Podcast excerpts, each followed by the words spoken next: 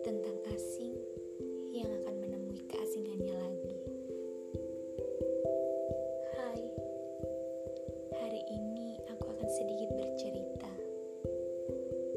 Bercerita tentang secuil kisahku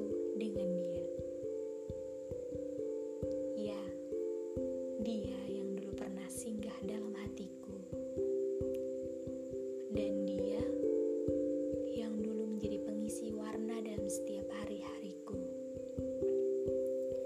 Ia begitu amat istimewa. Ia sangatlah mandiri dan selalu berpikir bahwa ia bisa sendiri tanpa menyusahkan orang lain.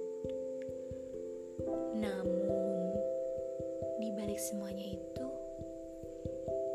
selalu ada waktu di mana ketika dia sedang bersamaku, ia menjadi pribadi yang sangat manja. Entah apa yang membuatnya menjadi begitu. Aku sangat menyayanginya. Begitu juga sebaliknya. Dia juga sangat menyayangiku. Kami berdua saling menjaga dan saling berbagi. Meskipun saat itu keadaanku bisa dibilang seadanya, ia tetap selalu ada untukku. Begitu banyak hal yang bisa aku pelajari tentang makna hidup dan tentang banyak hal lainnya. Tak terasa waktu berjalan begitu cepat. Hingga pada saat itu, entah ada sesuatu hal apa yang mengharuskan kita untuk berpisah.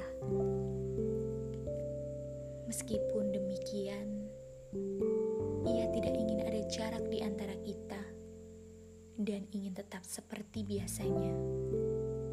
Meskipun kita tahu sudah tidak ada lagi status yang mengikat di antara kita. Memang benar kata orang,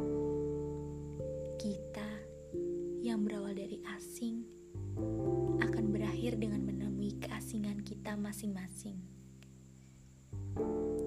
Dulu kita berawal dari sebuah keasingan dan kemudian dekat bagai urat nadi.